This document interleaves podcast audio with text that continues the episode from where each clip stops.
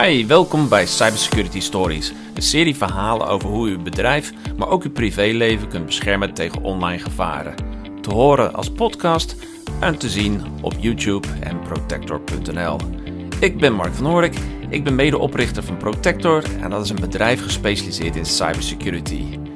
En in deze Cybersecurity Story spreken Frank Dab en ik het fenomeen Shadow IT. Wat is het? Waarom is het onwenselijk? En wat er tegen te doen? Hi, welkom bij een nieuwe aflevering van Protector Cybersecurity Stories. Dit keer gaat de story over Shadow IT, of op zijn Nederlands schaduw IT. Nou, dat is een, uh, een vrij, niet misschien zo'n uh, bekend onderwerp, maar iets wat wel heel vaak speelt. En in deze aflevering heb ik uh, mijn businesspartner en medeoprichter van Protector IT Security, Frank Dap, erbij. En die gaat ons in deze aflevering uh, vertellen wat uh, Shadow IT is en hoe dat ontstaat en nou, wat je er tegen kan doen. Um, Frank, welkom er weer in onze videopodcast. Dankjewel. Hi, dus dit keer gaan we het hebben over Shadow IT. Nou, dan kom ik gelijk bij de eerste vraag. Wat is Shadow IT? Ja, inderdaad. Wat is Shadow IT? Nou, Shadow IT is eigenlijk het, het ja, verschijnsel, moet ik het noemen, van een parallele IT-infrastructuur binnen een organisatie. Wat, uh, wat bedoel je daarmee? Dat eigenlijk naast de officiële uh, infrastructuur, het netwerk, de PC's, laptops, er eigenlijk uh, IT-devices en netwerkjes ontstaan die niet door de IT-afdeling zijn, zijn uitgerold. Nou, heeft een aantal, aantal vormen, heeft Shadow IT. Um, Eén daarvan is inderdaad het verschijnsel dat medewerkers hun eigen systemen meenemen. Dat varieert van mobiele telefoons tot tablets, uh, maar ook bijvoorbeeld een privé laptop aansluiten op het bedrijfsnetwerk. Um, en ook het verschijnsel dat medewerkers goed bedoeld eigen softwareapplicaties installeren op, op de PC's, omdat ze ja, misschien bepaalde functionaliteit nodig hebben voor het uitvoeren van hun werk, die binnen het, die de IT-infrastructuur van de organisatie niet direct beschikbaar is. ja, een tweede vorm is, heb ik zojuist eigenlijk kort al even aangesneden, is de bring your own device het fenomeen, waarbij nou, gebruikers hun eigen hardware meenemen en binnen het netwerk gebruiken. En een laatste vorm, dus niet de enige, maar het laatste belangrijke, is het ontstaan, of het eigenlijk in dienst houden van legacy systemen. je vaak ziet in organisaties, er worden upgrades gedaan, er wordt een nieuwe software, er worden nieuwe computers geïnstalleerd, maar bepaalde systemen die op nog oudere hardware draaien, die niet gemigreerd kunnen worden, worden eigenlijk een beetje vergeten in het proces en blijven dus ja, draaien in het, in het netwerk. En met name deze systemen vormen een extra gevaar, want die zijn vaak uh, ja, slecht beveiligd, maar blijven wel onderdeel maken van het, uh, van het bedrijfsnetwerk. Dus met name deze verdienen wat extra aandacht. Dus een shadow IT kun je eigenlijk een beetje, is een beetje onof, onofficiële IT. Het is eigenlijk de onofficiële IT inderdaad, die eigenlijk een beetje ja, vaak gedreven wordt door, door de gebruikers zelf of de, de medewerkers zelf die eigenlijk naar, ja, naar oplossingen op zoek zijn, om vaak om hun werk efficiënter te kunnen doen of sneller te kunnen doen. Dus vaak goed bedoeld, maar ja, niet altijd uh, handig.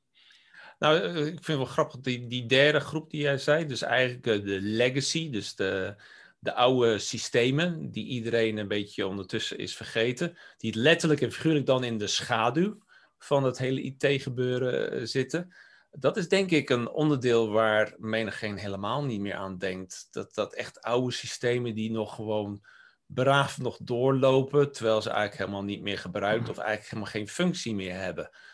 Uh, dat, dat, is, uh, dat is wel een hele uh, interessante punt. Ja, zien dat ehm, bijvoorbeeld bij, bij ja, um, productiebedrijven, waarbij bijvoorbeeld misschien bepaalde machines, CNC-machines bijvoorbeeld, nog werken op Windows XP bijvoorbeeld. Een versie van Windows die al heel lang niet meer ondersteund wordt door, de, door Microsoft. Dus waar ook geen beveiligingsupdates meer voor uitkomen. Maar die zijn wel gekoppeld aan het netwerk en ja, bereikbaar vanaf het internet met alle gevaren van dien.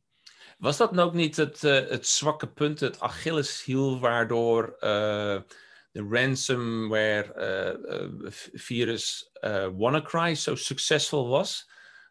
Omdat ze daarmee de, de oude XP, een of ander, ehm, nou, zeg maar, een, een een probleem of zoiets eh, van de oude de XP, waar ondertussen overigens wel een patch voor was gemaakt, maar dat dat nog niet was doorgevoerd of zo.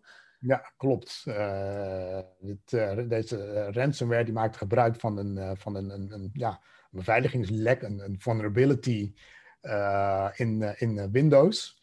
die overigens lang en breed bekend was, waar Microsoft ook al een patch voor uit had gebracht. Maar uh, ja, helaas uh, hebben een aantal uh, partijen verzuimd hun systemen te updaten. waardoor zij kwetsbaar waren voor, dit, voor deze aanvallen. En daar hebben ja, een aantal hackers dankbaar gebruik van, van, van gemaakt. Ja, ik kom eigenlijk bij mijn tweede vraag. Maar je hebt eigenlijk met dit voorbeeld al een beetje aangegeven.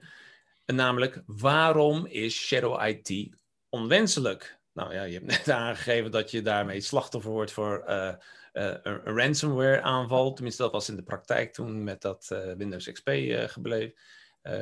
was dat aangetoond. Um, maar vertel verder, waarom is Shadow IT onwenselijk? Ja, nou, kijk, als je het over, over cybersecurity hebt, heb je het eigenlijk over ja, risicomanagement. Hè? Het is, je probeert een inschatting te maken van je risico's en je daartegen tegen te wapenen. Maar door uh, ja, een, nadelig, nadelig gevolg van, van Shadow IT is dat er eigenlijk uh, risico's geïntroduceerd worden in het, in het bedrijfsnetwerk die buiten het gezichtsveld van de IT valt.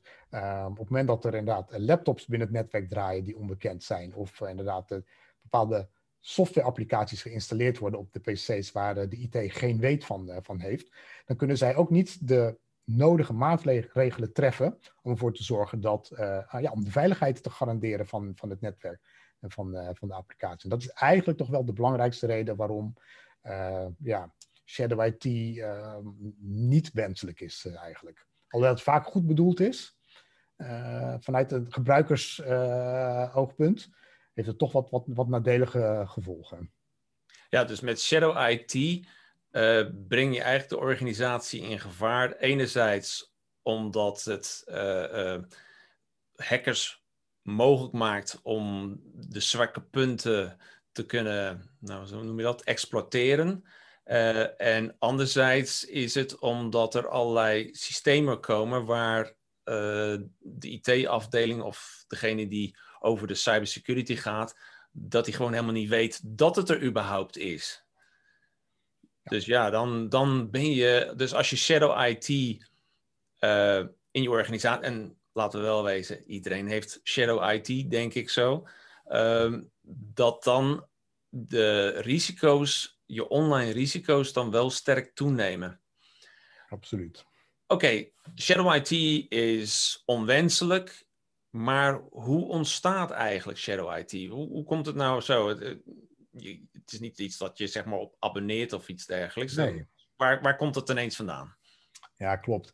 Het is uh, vaak het, het, het, gevolg van, en ik heb het juist uh, aangegeven, dat um, ja, eigenlijk de, de infrastructuur, de IT-infrastructuur binnen een organisatie ontoereikend is voor, uh, voor een groep gebruikers.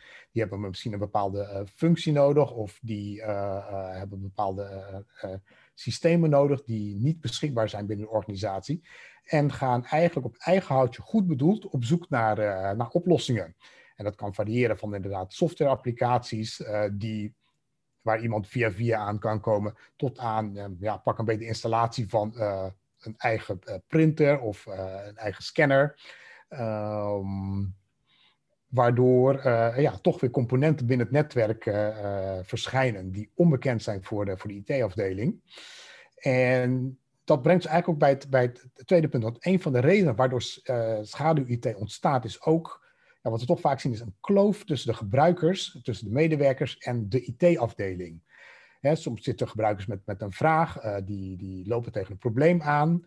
En op het moment dat uh, zij die vraag niet, niet kwijt kunnen, zij, ja, de, de IT-afdeling um, ja, misschien niet heel erg welwillend is of misschien onbereikbaar is, um, gaan gebruikers, uh, wederom vaak goed bedoeld, op zoek naar eigen oplossingen. Ehm, en er is altijd wel iemand die iemand kent die een oplossing heeft voor. En zodoende komen er dus ja, weer uh, de softwareapplicaties of de apparaten het netwerk binnengesloopte, die daar eigenlijk uh, ja, helemaal niet, niet thuis horen. Ja, ik heb een keer zo'n zo'n verhaal gehoord en dat vond ik echt wel heel, heel opmerkelijk. Um, en dat is dat je hebt van die printers. Uh, en het bedrijf had dan een, een, nieuwe printer en die had onder andere de functionaliteit om wat je uh, uh, had gekopieerd, om dat gelijk te scannen en dat door te sturen naar een e-mailadres. Nou, de hele bedoeling is natuurlijk om dat, wij spreken, naar een officiële bedrijfs-e-mailadres te sturen. Ik zeg maar wat, een Office 365 Outlook-adres of iets. Nou, ja. Iets in die geest. Maar in ieder geval maar het configureren van dat stuk, het verkrijgen van die uh, scan naar dat e-mailadres, dat was vrij gecompliceerd. En toen werd er eigenlijk zo gezegd: jongen, dat is, dit is maar veel te complex. En dus wat had die persoon uh, in, in, in dit specifieke geval gedaan? Die had gewoon zijn privé Gmail-account of iets, of een Hotmail-account aangekoppeld. Want daarmee kon je dus, hé, hey, er is in ieder geval een mail aangekoppeld. En dat is vele malen makkelijker dan dat officiële eh, gedoe. En die had dus daaraan gekoppeld. En daar kwamen dus dan die scans op binnen. Nu gaat het verhaal dan dat die persoon na verloop van tijd een andere job had. Die ging dus weg. Maar niemand binnen de organisatie had eigenlijk door hoe dat werkte. En dus feitelijk werden er nog steeds dingen gescand en doorgestuurd naar een privé e-mail naar een, van een ex-medewerker. Dit is eventjes een, misschien een extreem voorbeeld, maar het geeft in ieder geval aan hoe makkelijk zoiets kan ontstaan. Dus ik denk dat uh, menigeen, Frank, dat na aanleiding van dit stuk gaat even checken van oké, en waar gaan onze, onze scans nu eigenlijk naartoe? Dus als we hiermee al uh, uh, een aantal nou ja, privé-mails uh, naar voren hebben gehaald en dat die daarmee gelijk opgelost kunnen worden, dan dat zou al heel mooi zijn. Maar dat is in ieder geval een, een voorbeeld van hoe makkelijk dat kan ontstaan. Ja. Um, en wat jij ook zei van, uh, ja, het is vaak heel goed bedoeld. Hè? Dus je hebt inderdaad een probleem en je zit in marketing of je zit in HR of in ieder geval een niet-IT-afdeling. En tegenwoordig zijn er zoveel SaaS-producten die heel gaaf zijn. En dan kan je, hè, dat doen ze heel vaak, dat je een gratis account kan krijgen. Maar wat niet goed wordt nagedacht is, ja, je maakt wel gebruik van bedrijfsdata. En die gaan ergens naartoe. Ik denk niet dat menig gemiddelde marketeer of uh, productiemanager of HR-persoon helemaal gaat uitzoeken van wat, waar worden die data dan precies opgeslagen? Hoe worden ze verwerkt? Maar dat staat wel in de, in de verwerkersovereenkomst die uh, gesteld wordt vanuit de AVG. Ja. Dus dat zijn wel allemaal zaken. Dus Shadow IT, daarom zeg ik ook, eigenlijk heeft elke organisatie daar wel mee te maken. Want Shadow IT ontstaat heel erg makkelijk. En absoluut niet dat dat ja, bedoel, uh, en dat het is of extra gevaar op het moment dat uh, gebruikers inderdaad uh, googelen naar, uh, naar software, naar gratis software. want ja, het is toch bekend dat, dat gratis software, zeker als die niet uit officiële bronnen gedownload wordt, de kans groot is dat deze software adware bevat of virussen bevat of zelfs malware kan, kan, kan bevatten. Ehm, dus er wordt wel eens gezegd, if you're not paying, you are the product. Ja. En uh, dat geldt voor software uh, zeker. op het moment dat iets gratis is, moet je altijd even achter de oren krabben. Wat is dan het verdienmodel van, van de expert of de leverancier van, van deze software? Ja, en, en absoluut niet om aan te geven van dat elk soort software dan sneaky zou zijn of zo. Nee, en, maar het, het, het verpante ook wel eens is dat soms gewoon in de. Um, in de voorwaarden die je moet aanklikken, accepteren de, de en, de, en de privacygegevens, dat daar gewoon duidelijk staat, ja, wij kunnen die gegevens voor allerlei doeleinden gebruiken. Het staat er notenbenen. Ja, maar laten we wel lezen. Hoeveel mensen lezen die kleine lettertjes? Ja. Ze zijn iets van niks zo uh, opgesteld. dus een collega die eigenlijk ik wil graag dat ding hebben. Ja, het is zelfs gratis, dus ik hoef niet een budget aan te vragen. Ik wil het ook gewoon maar even uittesten. En vervolgens, ja, ik accepteer alles wat je maar wilde. ik accepteer, want dan kan ik er gebruik van maken. Want daarmee heb ik gelijk mijn probleem opgelost. Hè? Wat voor die medewerker op dat moment het belangrijkste is. Maar waarschijnlijk niet uh, voor de hele organisatie uh, wenselijk is. Dus inderdaad, shadow IT kan heel makkelijk en heel snel ontstaan. Ja, dan komen we eigenlijk bij de volgende vraag. Want als shadow IT onwenselijk is en het ontstaat heel erg makkelijk. Frank, hoe voorkomen we dat shadow IT zo'n negatieve rol binnen de organisatie gaat spelen? Ja, ik, ik, denk zelf dat uh, shadow IT is eigenlijk uh, niet te voorkomen. En ik denk ook niet dat je dat zou moeten willen voorkomen. Ik denk dat het zaak is dat organisaties um, de shadow IT weten te beheersen.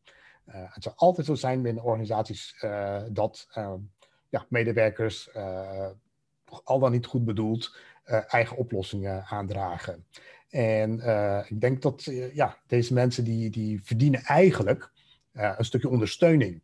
Wij eigenlijk gelijk op het, op het volgende punt komen, dat we al eerder hebben aangegeven. Op het moment dat een IT-afdeling um, ja, niet open staat voor de, de, de, de, wensen en de behoeftes van de gebruikers, um, gaan gebruikers naar eigen oplossingen op, op zoek en probeert natuurlijk die IT-afdeling die op dat moment als een barrière gezien wordt, te omzeilen. Dus een van de belangrijkste dingen is ook een dienstbare opstelling van, van de IT-afdeling. Um, en een duidelijk aanspreekpunt uh, voor uh, gebruikers, voor medewerkers. Op het moment dat zij met een vraag zitten, op het moment dat zij tegen een bepaalde behoefte aanlopen, wie kunnen zij daarvoor aanspreken? Um, waarbij vervolgens iemand van de IT samen met de gebruikers op zoek gaat naar een oplossing, passende oplossing, de beste oplossing voor het, het probleem. Zodat zowel de gebruiker gediend is, maar ook de IT-afdeling en de veiligheid niet in het, in het gedrang komt. Daarnaast is ja, een van de, van de belangrijkste dingen is awareness. Hè? Het, bewust zijn of bewust maken van medewerkers, van gebruikers en wijzen op, op de gevaren het moment dat, dat ja, mensen zich bewust zijn van de gevaren van, van cyber, uh, ja, cyberaanvallen. Um, en daarmee leren om te gaan, ja, daarmee wordt natuurlijk de, de kans dat het uh, misgaat een stuk kleiner. Op het moment dat uh, gebruikers gevaren leren herkennen en daarmee om weten te gaan. Ik denk dat het ook handig is om gewoon een proces op te zetten. Dat, dat je.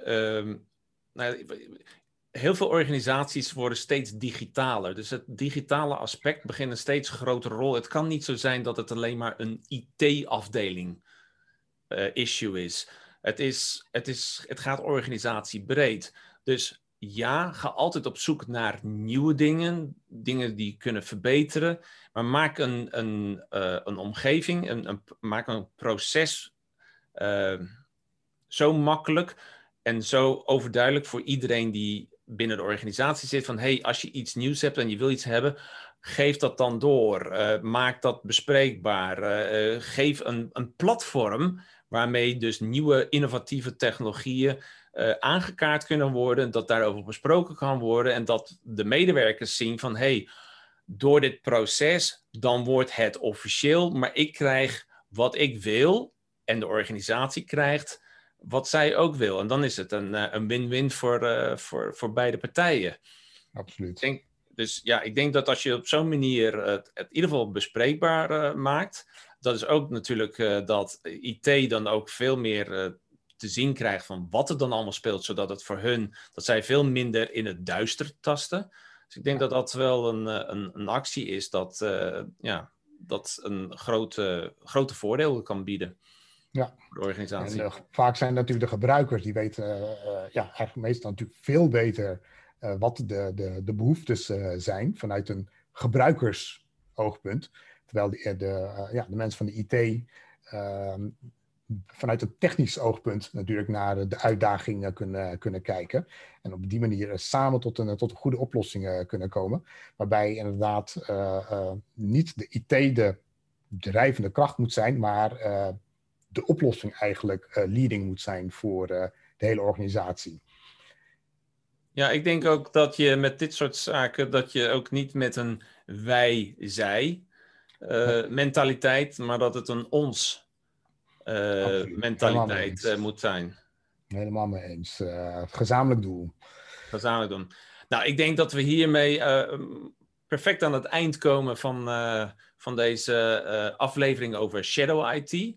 Als je dit een interessant onderwerp vindt uh, en je wil graag meer over cybersecurity en over hoe je je organisatie digitaal veiliger kan gaan maken en houden, um, abonneer dan op onze uh, videopodcast uh, Protector Cybersecurity Stories. Dat kan je doen via YouTube als je graag naar de, de, de videovariant wil, wil kijken.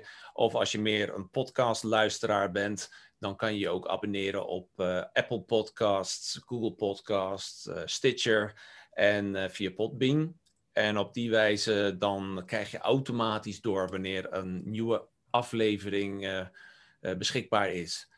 Ik wil jou van harte bedanken voor het luisteren naar onze videopodcast. En hopelijk tot een volgende keer. Tot ziens. De volgende keer.